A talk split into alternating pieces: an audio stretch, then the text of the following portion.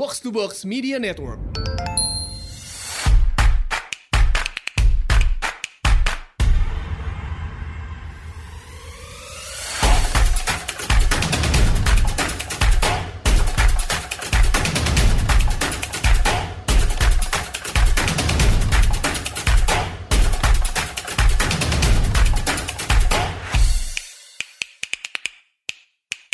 Selamat datang di Asumsi Bersuara dan kali ini kita kedatangan seorang dokter, dokter Dirga Rambe ya dok. Eh, dokter Dirga Rambe ini vaksinolog, eh, dia juga internis. Um, dan kira-kira udah kebay udah kebayangkan kita mau bahas apa? Yang jelas eh, kita akan bahas soal coronavirus nih dok. Pertama welcome to the podcast nih dokter Dirga. Thank you, thank you. Iya, jadi em, ini banyak banget yang yang request untuk kita bahas topik ini karena memang penting banget kan karena sekarang itu em, wabah coronavirus ini lagi mengguncang dunia lah.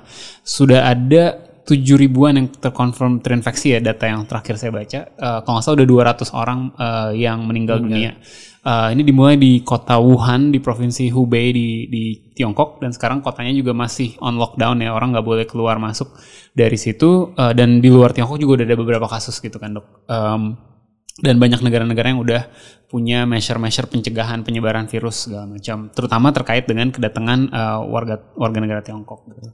Mungkin sebelum kita lebih jauh tentang eh, apa yang harus dilakukan segala macam, em, saya pengen tahu dulu dok, em, sebenarnya eh, virus ini tuh apa sih yang berbedanya yang membuat eh, berbeda dari wabah-wabah sebelumnya dan kenapa kita seperti sangat kenapa ini menyeramkan banget lah gitu. Eh, Saya jelaskan dulu. Jadi eh, virus corona itu ya, atau coronavirus itu sebenarnya nama kelompok eh, eh, keluarga satu virus Iya. yang isinya itu ada 200 lebih sebetulnya. Oke. Nah, kebanyakan dia itu memang menginfeksi binatang dan ada tujuh yang menginfeksi manusia termasuk yang sekarang ini. Hmm. Jadi nama resminya 2019 eh, novel coronavirus. Iya. Kalau namanya novel itu baru. Baru. Kalau artinya baru banyak yang kita belum ketahui gitu. Makanya tiap hari ada perkembangan gitu. Nah, mengapa sekarang apa seperti dahsyat sekali efeknya? Ya karena eh, memang kita akui eh, penyebarannya jumlah kasusnya begitu cepat ya, walaupun memang eh, terutama terisolasi di di Tiongkok sebetulnya. Iya. Saya kira mungkin itu ya dan eh, apa kematiannya juga eh, tiap hari bertambah ya. Eh, mungkin itu sekarang yang bikin orang begitu eh, takut atau waspada. Em, tapi maksud saya eh, lebih ke beda kan wabah seperti ini tuh bukan yang pertama gitu kan. Udah seingat saya waktu kecil dulu pernah SARS, pernah ada eh, flu babi macam-macam. Eh, si novel coronavirus ini lebih berbahayakah atau enggak juga? Nah, supaya kita bisa meletakkan dalam konteks ya. Jadi eh, Wuhan coronavirus ini itu selalu dibandingkan setidaknya dengan dua tadi. Dengan 2002-2003 ada SARS, Iya. 2012 ada MERS dan yang sekarang. Kenapa? Karena ketiganya penyebab virusnya sama, itu kelompok coronavirus. Makanya selalu dibandingkan. Kalau kita lihat secara jumlah kasus, betul eh, yang sekarang ini yang Wuhan ini memang eh, kasusnya paling banyak, bahkan sudah melampaui kasusnya SARS eh, dalam waktu yang relatif eh, singkat. Tapi yang kita harus ingat bahwa eh, case fatality rate, angka mortalitas, angka kematian itu sampai sekarang rendah. Gitu. Contoh, em, eh, SARS itu satu dari 10 pasien yang meninggal, berarti 10 persen kan? 10 persennya meninggal ya. Nah, yang lebih serem MERS, satu dari tiga pasien meninggal, 30 persen. Oke. Dan sampai hari ini nih, sampai sekarang saya bicara ini, eh, fatality rate dari Wuhan itu stabil di angka 2 persen. Oke. Dari tahun ke- dari hari ke hari, walaupun jumlah kasus meningkat, jumlah eh, kematian meningkat, tapi stabil di eh, dua persen. Itu sebetulnya. Jadi eh, dap- apa kalau kita terinfeksi si coronavirus ini most likely bukan the end of the world lah ya. Betul. Masih ada harapan. Ada, ada data yang menarik. Jadi dari seluruh kematian itu, Hmm. itu seluruhnya adalah dua kelompok populasi. Satu, orang berusia lanjut di atas Hmm. umur 60. Yang kedua, orang yang sebelum terinfeksi udah punya penyakit, penyakit Hmm. kronis. Hanya satu saja yang saya ingat eh, usianya relatif muda gitu. Jadi Hmm. artinya memang sebenarnya tidak semenakutkan itu dalam Oke. arti eh, menyebabkan kematian ya. Tapi memang walaupun penyebarannya begitu cepat itu. Iya iya. Ah, kita overreaksi nggak sih dok? Kayaknya semua orang kok oh, pakai masker segala macam. ah, kok takut banget ketemu orang segala. Ya, waktu SARS, waktu MERS, media sosial mungkin belum seperti sekarang, ya. Ya. Sekarang begitu diamplifikasi oleh media eh, sosial dengan berbagai macam hoax yang memang menimbulkan kepanikan, ya. Terus saya juga melihat ada sebenarnya fenomena yang agak unik nih saya mengamati gitu. Jadi uh, dan ini fenomena global bukan hanya terjadi di Indonesia ya. Iya. Uh, jadi uh, masyarakat itu sebagian kelompok cenderung tidak percaya dengan keterangan-keterangan dari institusi resmi, Iya. dari pemerintah, dari mana aja. Di, di saat yang sama media-media mainstream sekalipun itu berita-beritanya sebagian hanya mencari sensasi. Hmm. Jadi sekarang tuh eh, masyarakat eh, haus atau butuh sumber informasi yang dianggap eh, netral tapi masih bisa dipercaya gitu. Hmm. Jadi tidak mewakili pemerintah, tidak mewakili eh, apa kelompok-kelompok tertentu gitu, tapi masih bisa mereka percaya. Ini juga harus supaya untuk mengimbangi hoax-hoax yang tadi itu gitu. Ah, hoax-hoax apa nih yang paling yang paling sering do- dokter lihat dan dokter rasa waduh ini kok orang bisa percaya nih kayak ginian. Paling nggak kan ada tiga yang marak ya. Yang pertama eh, bahwa ini adalah senjata biologis. Hmm. Ini adalah ada lab yang bocor gitu kan. Ya. Dan itu juga pernah diangkat oleh media mainstream kita gitu kan. ini ini kan hanya akan menimbulkan kepanikan. Hal seperti ini tidak pernah bisa diverifikasi. Yang kedua kita pernah lihat ada gambar perempuan sedang makan sup kelelawar gitu eh, kalau ingat kan? Walaupun betul ini hewan tersangkanya diduga adalah kelelawar tapi kan belum tentu adegan itu tuh punya hubungan dengan virus yang sekarang gitu Ya, kan. ya. Terus yang ketiga kalau ingat di berbagai video di Twitter misalnya ada yang eh, sedang jalan tiba-tiba jatuh Ya. gitu kan katanya ini adalah pasien one coronavirus itu juga eh, tidak bisa kita verifikasi Iya. itu kejadiannya kapan kayak gitu gitu. Dok, eh, sebenarnya yang membuat wabah ini tuh serem banget itu kalau yang saya baca kan karena masa inkubasinya tuh lama kan dia dia hampir dua minggu ya, 12 hari gitu. Eh, di mana selama masa inkubasi itu dia udah bisa nularin ke orang lain. Eh, padahal belum ada gejala, gitu, belum ada simptomnya sama sekali. Jadi kita nggak akan bisa tahu Iya. apakah misalnya dokter nggak akan tahu saya Iya. eh, udah punya eh, apa bisa lagi menular atau enggak. Ini gimana ya? Apa yang apa apakah ini eh, yang bikin kita ini menakutkan apakah karena ini atau gimana? Jadi memang di awal-awal ini kan pertama meledak resmi dilaporkan oleh otoritas Cina itu agak 30 Desember seingat saya 2019. Di satu dua minggu pertama bulan Januari 2020 itu sejauh itu saat itu diketahui bahwa eh, hanya orang yang simptomatik aja yang bergejala saja yang bisa eh, apa menularkan. Ah, Waktu itu juga tidak diketahui dengan pasti kira-kira masa inkubasinya berapa lama. Tapi perkembangannya itu tadi satu, masa inkubasinya bisa 2 sampai 14 hari. hmm. Dan yang kedua, orang yang tidak bergejala sekalipun eh, atau asimptomatik itu ternyata juga bisa menularkan itu. Itu betul memang. Hmm. Hmm, jadi gim- gimana dong harusnya kalau eh, langkah-langkah yang harus dilakukan gitu pemerintah Cina misalnya juga dia nggak tahu siapa yang harus di Iya. lockdown siapa yang enggak gitu makanya maka apakah ya udah dia dia lockdown entire city karena nggak tahu juga ini Betul. Prinsip wabah itu ada tiga. Hmm. Satu, prevent. hmm. Kedua, detect. Ketiga, respon. Hmm. Itu prinsip internasional itu, itu ada panduannya. Jadi eh, kalau prevent itu lebih ke menyiap- menyiapkan regulasi, kalau ini gimana, kalau itu gitu, itu biasanya semua negara udah punya gitu kan. Tapi bisa di- bisa ditambah, dikeluarkan kalau pada situasi khusus. Hmm. Yang kedua eh, prevent. Ya. Kita masih pada tahap itu Indonesia karena sampai sekarang eh, belum apa ada laporan eh, terkonfirmasi ada eh, virus eh, corona Wuhan di sini. Hmm. Yang yang ketiga yang eh, yang ke, apa yang terakhir adalah eh, respon. Hmm. Itu yang dilakukan oleh pemerintah Cina atau negara-negara lain yang memang sudah eh, terkonfirmasi itu. Eh, dok, em, si eh, coronavirus ini em, dia baru-baru ini banget dinyatakan sebagai eh, PHEIC ya, Public Health Emergency of International Concern. Eh, banyak yang bilang ini kok lama sekali di- dinyatakan sebagai public health eh, sebagai PHEIC tadi, padahal eh, orang udah panik dari cukup lama gitu kan. Ap- kenapa nih? Ya, jadi yang berhak menetapkan status PHIC itu adalah WHO. Hmm. Pada sidang pertama itu WHO eh, menilai ini belum waktunya ditetapkan sebagai PHIC. Hmm. Baru pada sidang kedua, baru dini hari tadi ya selesai waktu Indonesia itu akhirnya ditetapkan sebagai eh, PHIC. Hmm. Kenapa? Ini bisa dipahami. Satu, WHO betul-betul menginginkan penetapan status ini itu murni berdasarkan sains gitu. Hmm. Jadi berdasarkan fakta-fakta objektif yang ditetapkan oleh para ahli dari berbagai negara gitu. Iya. WHO tidak ingin kepeng- eh, keputusan ini tuh dipengaruhi lebih banyak oleh eh, politik sebetulnya. Walaupun namanya WHO isinya segitu banyak negara pasti ada eh, pertimbangan politik. Ya. Karena dampak PHIC ini eh, dahsyat sebetulnya. Ya, apa yang terjadi ketika satu wabah udah dinyatakan PHEIC gitu? Yang kita inginkan sebetulnya kalau ada status itu positifnya adalah WHO itu akan memimpin koordinasi dari negara-negara di seluruh dunia.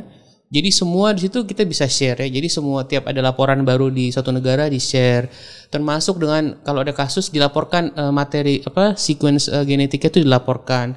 Jadi mempercepat penemuan eh, apa metode diagnostik atau mungkin obat-obatan ya. Itu sebetulnya sisi positifnya. Tapi sisi negatifnya, walaupun ini sebetulnya WHO tidak menganjurkan, tapi oto, biasanya karena status ini akan membuat apa ya, ya kalau saya bilang ya panik gitu ya, panik di seluruh dunia.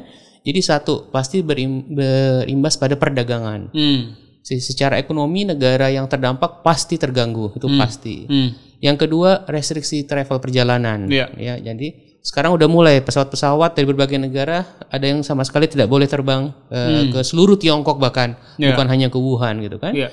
Eh, terus yang ketiga tadi menimbulkan kepanikan eh, global gitu. Sebenarnya WHO itu eh, menjaga itu gitu. Walaupun memang mereka dikritik sekali kok lambat sekali mau nunggu berapa kasus, menunggu berapa kematian baru sampai menetapkan status ini gitu. Hmm, hmm. Eh, Sebenarnya menarik nih tadi eh, tentang bagaimana bisa sharing informasi supaya cepat bisa terdeteksi, cepat bisa menemukan vaksinnya atau penawar. Sekarang belum ada ya dok eh, penawarnya atau vaksin Belum ada baik untuk vaksin untuk pencegahan atau pengobatannya itu belum ada. vaksin untuk pencegahan ataupun ketika orang udah Iya, kena. udah kena ya. Nah, eh, tapi kan tadi eh, fatalitasnya hanya tiga persen tuh. 2% Sorry, bahkan. dua persen. Itu berarti sembuhnya gimana? Sembuh sendiri kayak demam berdarah gitu, minum Nah. minum air apa gimana? Pada prinsipnya penyakit-penyakit yang disebabkan oleh virus itu, virus Hmm. apa pun ya, ini prinsip umum itu bersifat self-limiting disease.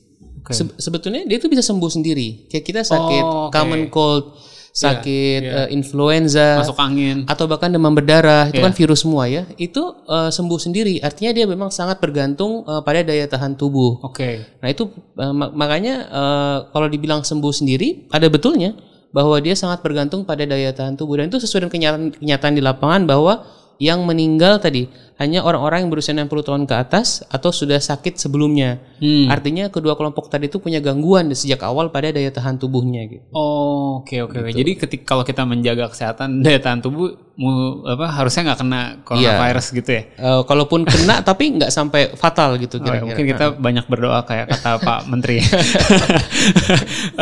eh, dok, eh, apa? Ya ini juga juga lanjut ke pertanyaan saya berikutnya karena wabah-wabah sebel- sebelumnya yang kayak SARS, MERS eh, itu nggak tahu mungkin ingatan saya kurang dalam tapi seingat saya tuh hilang sendirinya aja gitu. Jadi eh, dulu 2002 heboh banget semua orang eh, apa ayah ibu saya wah hati-hati ada SARS segala macam. Tapi terus lama-lama ya udah die down aja pelan-pelan. Menurut dokter apakah coronavirus ini bisa kayak gitu juga atau, atau terlalu optimis saya? Eh, menurut saya bisa Hmm. ya. Eh, contoh eh, SARS ya eh, atau MERS mungkin. Hmm. Secara wabah itu dinyatakan sudah hilang sebetulnya kan udah nggak ada wabah lagi. Tapi sebetulnya setelah dinyatakan wabah itu berhenti, sebetulnya masih ada aja satu dua laporan kasus. Oh masih ada Masih sampai ada, sampai sekarang masih orang ada. SARS tuh masih ada. Setelah dinyatakan eh, kayak SARS tadi 2003 dinyatakan oleh WHO udah bukan wabah lagi. Hmm. Setelah dinyatakan itu masih ada satu dua eh, apa eh, kasus eh, sporadis gitu ya Hmm. di di berbagai titik gitu. Tapi juga tapi tidak bikin wabah gitu. Jadi artinya virus-virus ini kan sebenarnya tetap ada. Iya. Tapi yang kita usahakan gimana supaya dia tidak mewabah baik itu di satu negara ataupun di seluruh dunia. Kalau ditanya tadi bisa hilang bisa. Oh.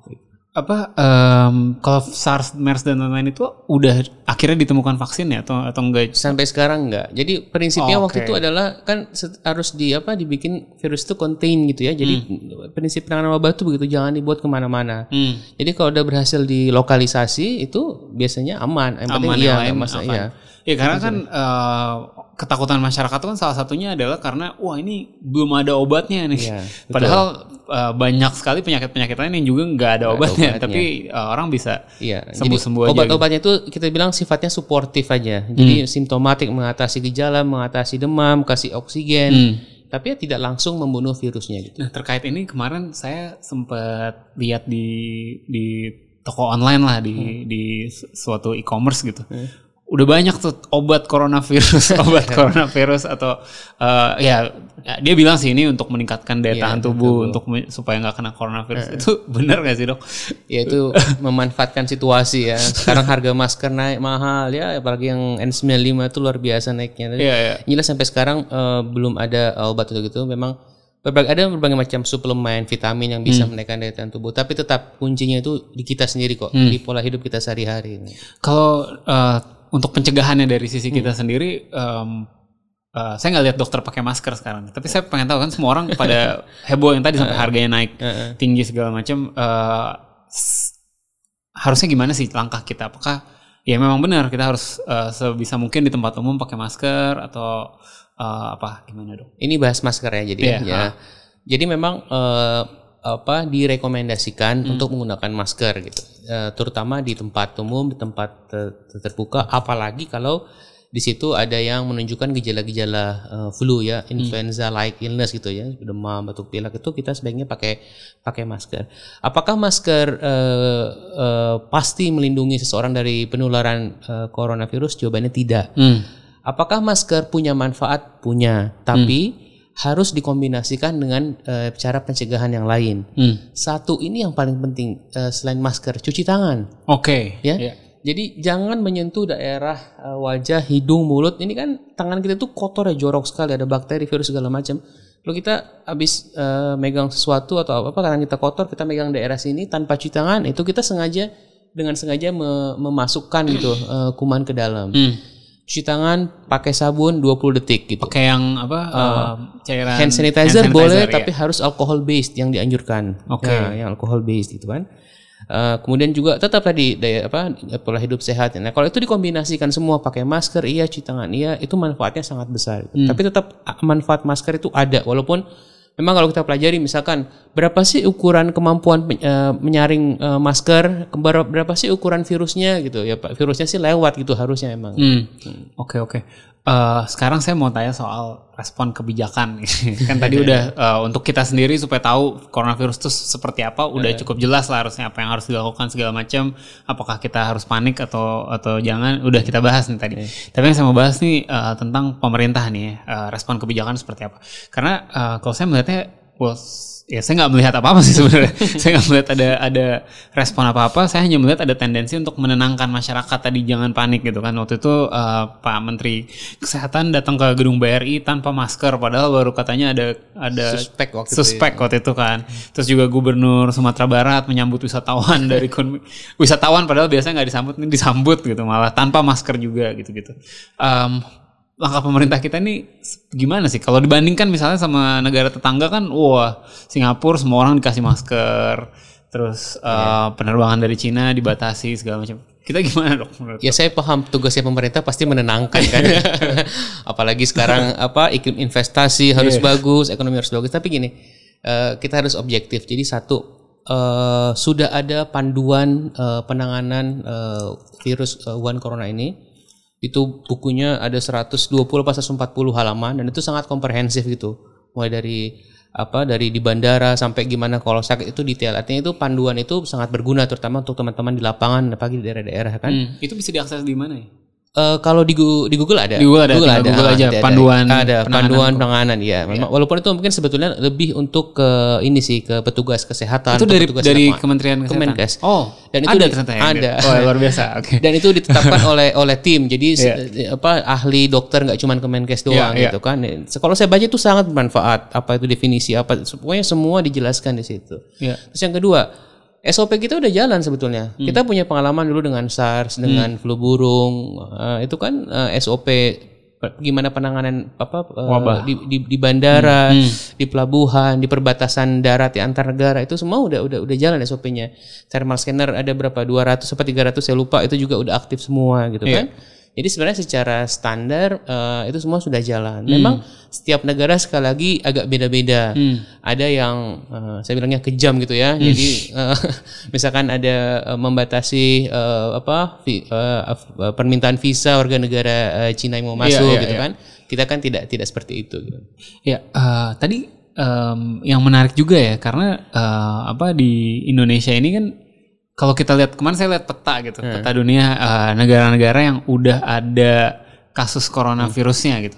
Dan hebatnya kita sendiri nggak ada nih, jadi di sekitar kita tuh uh, Filipina, Malaysia, Singapura, Australia, semua ada kasus, kita nggak ada. Nah itu apakah karena memang eh, kita mungkin sedikit turis Cina yang datang ke sini atau, atau gimana? Atau mungkin sebenarnya ada, tapi entah kita nggak bisa nggak nggak bisa me- apa nggak punya cukup resource untuk bisa menentukan benar nih ada eh, nih orang benar kena corona atau ada cover up gimana menurut dokter? Oke, betul ya. Jadi eh, Singapura, apalagi Thailand, apa Vietnam ya itu juga udah melaporkan. Gini, pertanyaan pertama, apakah mungkin saat ini nih saat kita sedang ngomong ini, Iya. apakah virus ini sekarang sudah ada di Indonesia sebenarnya sudah ada, tapi eh, undetected Hmm.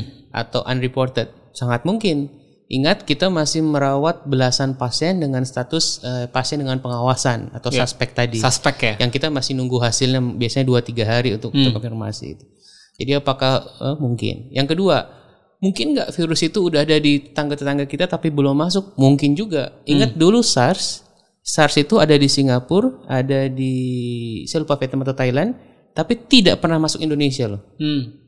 Ya, jadi ada argumen awal eh, kita kan negara tropis misalkan. Kalau negara tropis panas virus cepat mati. Tapi ya Singapura juga. Singapura juga, Filipina juga ada laporan Iya, gitu kan. Jadi argumen itu betul sih secara umum bahwa virus itu di suhu yang lebih panas dia susah bertahan hidup gitu. Tapi argumen itu mungkin sekarang tidak terlalu kuat lagi gitu kan. Iya, iya. Jadi ya.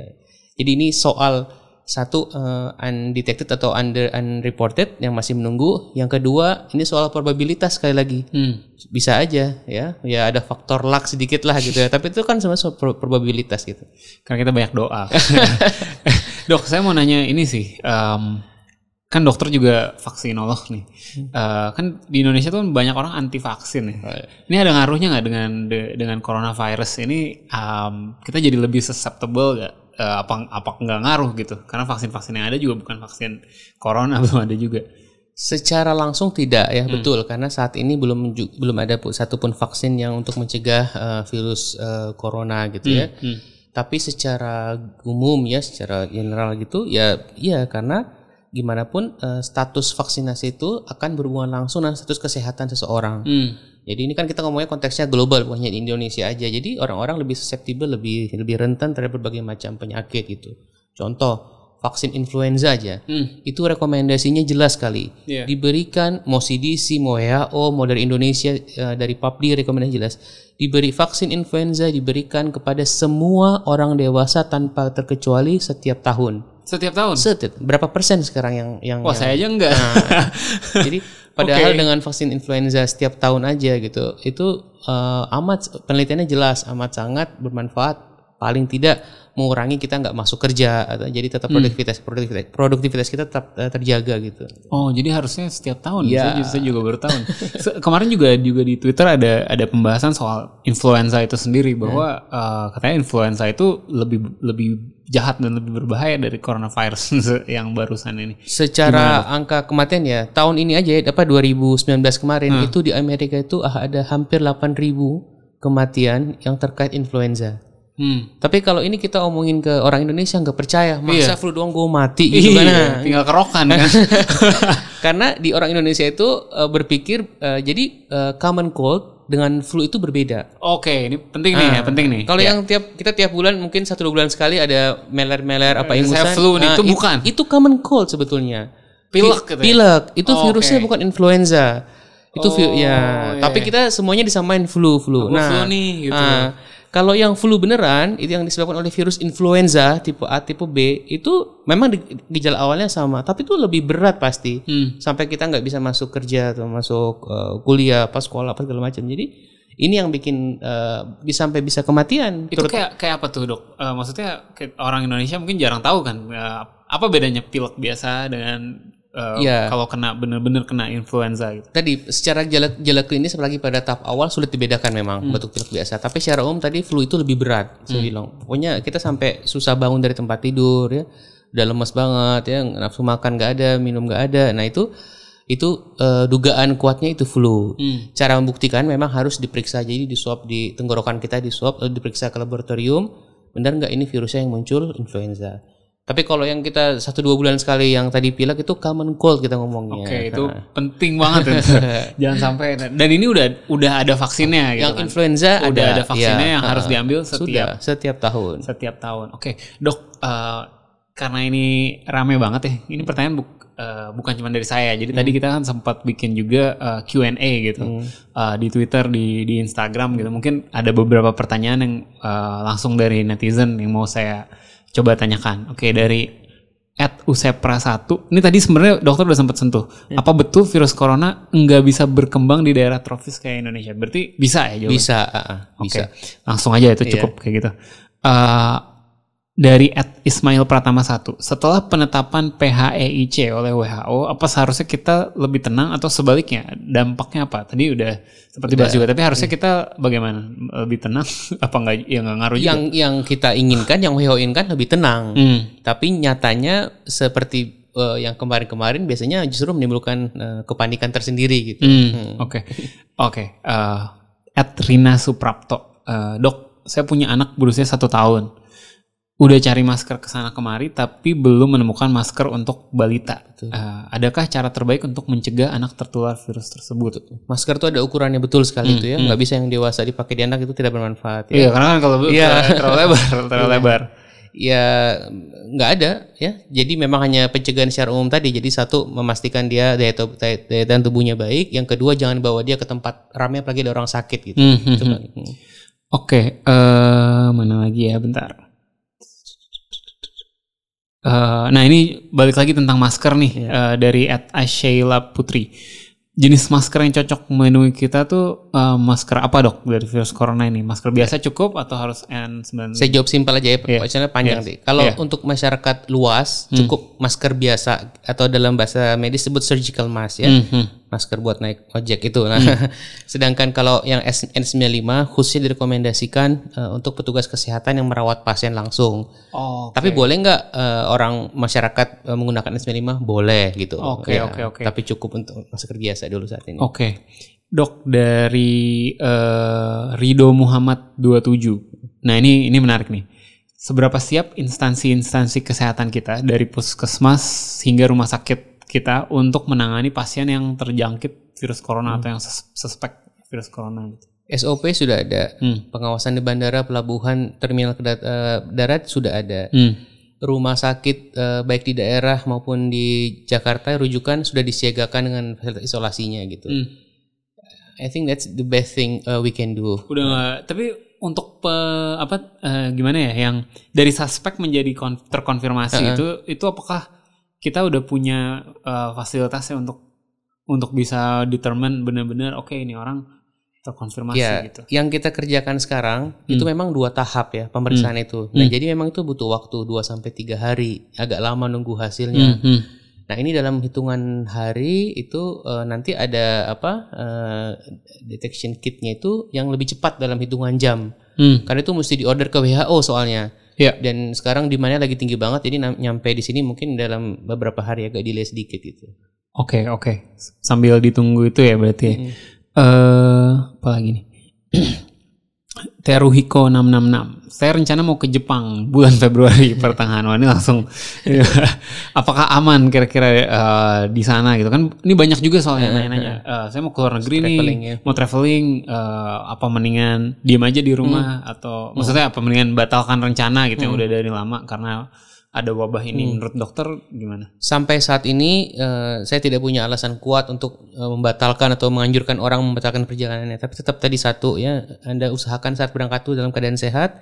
Yang kedua, bawa masker yang banyak karena masker tuh tiap 4 jam tuh mesti diganti soalnya. Hmm, hmm, hmm. Kalau udah apalagi kalau basah kotor itu ganti. Hmm. Tadi sama cuci tangan dan hindari ada kalau orang yang batuk batuk pilek flu yang eh, influenza like itu hindari. Itu yang bisa saya.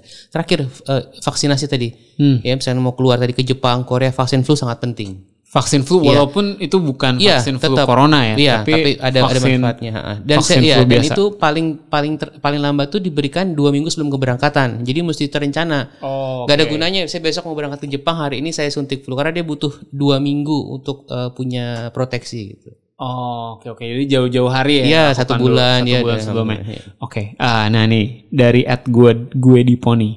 Apakah virus corona akan berdampak ke kesuburan pria ketika sang pasien yang uh, udah terjangkit uh, bisa disembuhkan gitu. Sampai saat ini tidak ada laporan yang menyatakan demikian. Oke, oke, Aman. oke, aman, aman, tenang aja. Eh, apalagi ya? Bentar, kita cari lagi. Eh, nah ini mungkin lebih teknik, technical.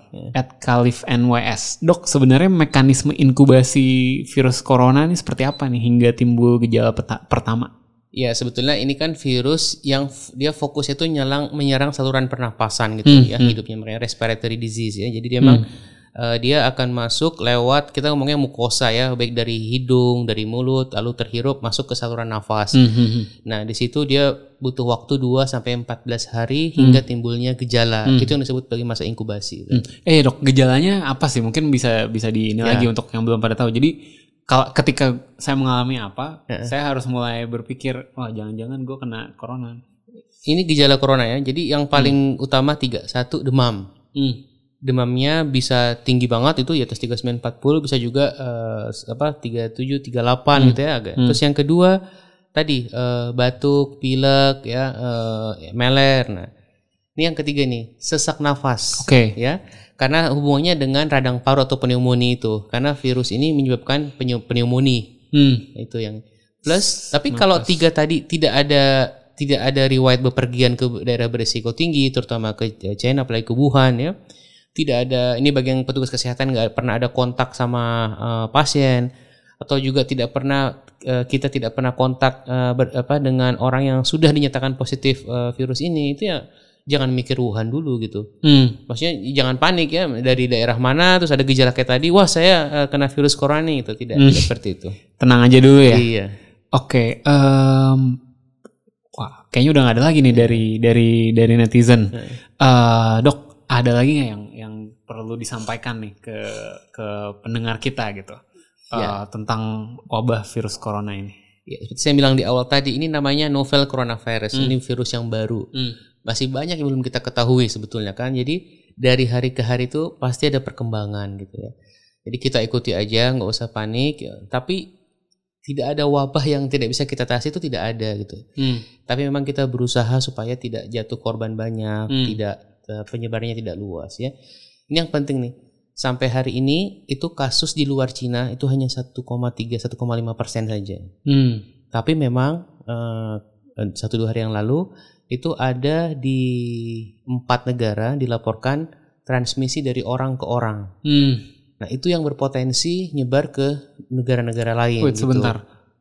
Jadi sebelumnya bukan transmisi orang ke orang. Jadi ada gini ada maksudnya itu ada satu orang dari Wuhan, Hmm. terus dia pulang ke yang Amerika misalnya kalau Iya, Amerika kan, iya, hmm. Amerika. Nah orang yang dari Wuhan ini sakit nih positif coronavirus. Nah ada orang lain yang tidak pernah ke Wuhan, tidak pernah ke Cina, tapi dia kontak sama orang ini. Nah itu orang yang kedua ini positif ya. Itu yang dinamakan eh, transmisi orang ke orang tapi di luar Cina gitu tanpa tanpa pernah ada ada ada riwayat pergi ke ke Cina gitu. Hmm. Itu yang bikin sedikit khawatir penyebarannya bisa ke bisa ke mana-mana. Iya. Itu le- eh, penyebaran itu lewat udara aja Iya, atau makanan atau Kita sebutnya droplet ya. Jadi eh, kan saluran nafas kita ada cairannya tuh. Hmm. Bisa terpercik lewat batuk, lewat ngomong, Hmm. lewat bersin. Nah, itu yang terbang-terbang eh, lewat udara atau bisa nemplok langsung itu yang eh, bikin eh, sakit. kalau saya misalnya misalnya kita eh, order barang dari dari Cina nih gitu. order order barang online gitu dari Alibaba. Iya. Barangnya datang itu mungkin nggak dia udah terkontaminasi virus corona gitu. Ini ada di, di The Simpsons zaman kapan tuh? Ini pertanyaan yang yang serius sekali ya sampai WHO tuh membahas sendiri nih pertanyaan Oh, ini. gitu? Iya betul karena emang sekarang itu kita ya jadi sampai hari ini tidak ada bukti bahwa virus corona ini ataupun coronavirus yang sebelumnya ya Hmm. itu bisa tahan segitu lamanya gitu di sampai apa melintasi eh, berbagai negara gitu untuk sampai itu. Jadi kalau sekarang ditanya bisa nggak jawabannya tidak. Oke, jadi aman ya kalau Aman. kalau mau impor-impor dari Cina masih bisa. Oke dok, eh, thank you banget dok Iya. atas waktunya nih eh, untuk eh, me- mencerahkan lah masyarakat yang tadinya takut dan khawatir gitu Iya. atas ini. Moga-moga eh, bisa lebih tenang dan bisa mempersiapkan diri lebih baik. Eh, gimana supaya enggak ini? Intinya jaga kesehatan ya. Betul. jaga kesehatan, minum vitamin gitu kan. Iya. Daya, tahan tubuh kita kuat, cuci tangan tadi tangan. apalagi eh, dan untuk pakai masker, em, dianjurkan minimal masker ojek. Iya, Minimal masker ojek kalau mau N95 boleh juga. Boleh. Thank you banget dok atas Sama-sama. waktunya eh, dan eh, sampai jumpa lagi hari Selasa depan. Jangan lupa follow Asumsiko, follow Box to Box ID, follow @dirgarambe ya. Ya, di saya. di twitternya @dirgarambe. Kalau masih ada pertanyaan-pertanyaan lagi, misalnya ada yang belum jelas, langsung aja @dirgarambe. Ya, sampai jumpa lagi hari eh, Selasa depan. Ciao.